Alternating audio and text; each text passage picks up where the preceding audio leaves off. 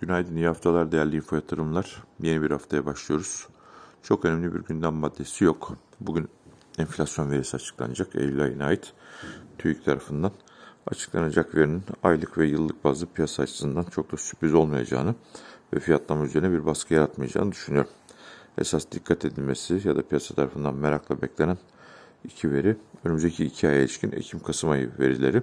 Çünkü geçtiğimiz yıl bu iki aya ilişkin veriler aylık bazda %2'nin üzerinde gelmişti.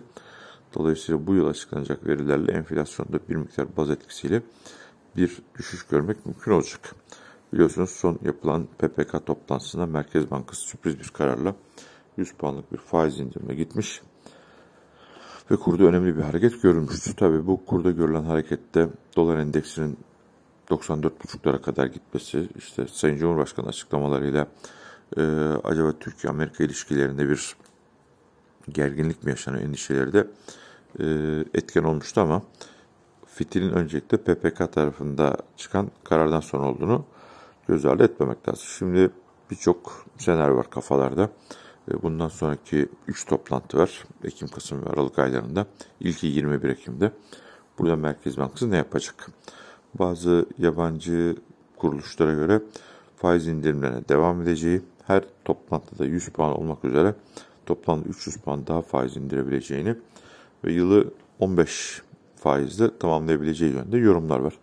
Ben açıkçası bu kadar düşük bir faizle e, bunun gerçekleşmesi ihtimali üzerinde çok duranlardan değilim. Evet doğrudur. Şu anda %16.76 olan çekirdek enflasyon yıl sonuna doğru biraz daha düşüş gösterecek.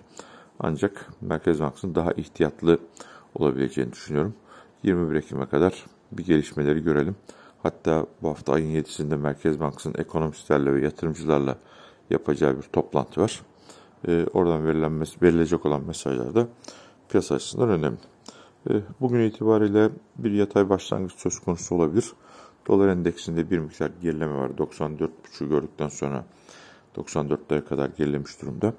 Bu da iç piyasada 8.85'e kadar kurun, dolar kurunun gelmesini sağladı. Ee, 8.80'in altına gelmemiz lazım.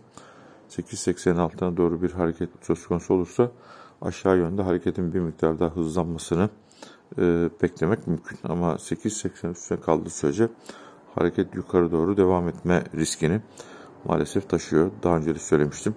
9 liralar seviyesinden söz ediliyor ama burası bir psikolojik seviye ki 8.96'ya kadar gitti. Ee, şimdilik olması gereken kurun 8.80 altına gelmesi ve bir miktar bir sakinlik. Borsa tarafına gelecek olursak 1400'ün hemen üzerinde bir kapanış gerçekleşti. Orada da 1420'nin üzerinde kapanışlar görmemiz lazım. Ee, daha önce de geçen hafta söylemiştim. Yani kur yükselişte bu kur yükselişiyle borsa tarafını çok birebir değerlendirmemek lazım. Yani şu düşünce yanlış olabilir. Ee, işte kur yükseliyor, piyasaya satış gelecek, endeks aşağı gelecek.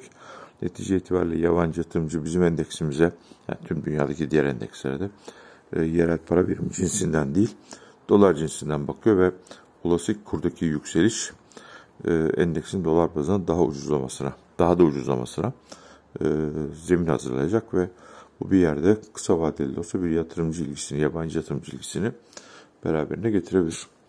E, ancak bir hikaye yazma olasılığımız şu anda zayıf gibi gözüküyor. Özellikle dünyada yaşanan konjonktür yavaş yavaş belki önümüzdeki dönemde riskli varlıklardan bir kaçışı beraberine getirebilecek bir iklimi beraberine getirebilir. Onun için ihtiyatlı olmakta fayda var ama burası e, şimdilik ya 1420'yi aşmalı ve hareket için bir miktar daha işlem hacminde yatırımcı ilgisine artış görmeliyiz.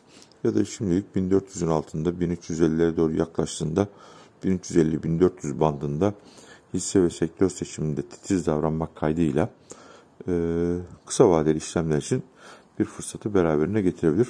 Az önce söylediğim kurdaki yükseliş endeks üzerine çok büyük bir baskı yaratmayabilir ifadesini e, dikkatli kullanmak lazım. Çünkü her sektörün, her şirketin başka bir hikayesi var. Yani bu kurdaki yükselişten kendisine fayda sağlayacak şirketler olduğu gibi e, bilançosuna ciddi tahribat yaratabilecek şirketler de olabilir. O nedenle mutlaka sizlerden bir kez daha e, araştırma bölümümüzde e, görüş alışverişinde bulunarak e, yatırımlarınızı buna göre şekillendirmenizi tavsiye ediyorum. Herkese mutlu, huzurlu, sağlıklı, bereketli ama her şeyden önemlisi sağlıklı bir hafta diliyorum. Yeni haftada görüşmek üzere. Hoşçakalın.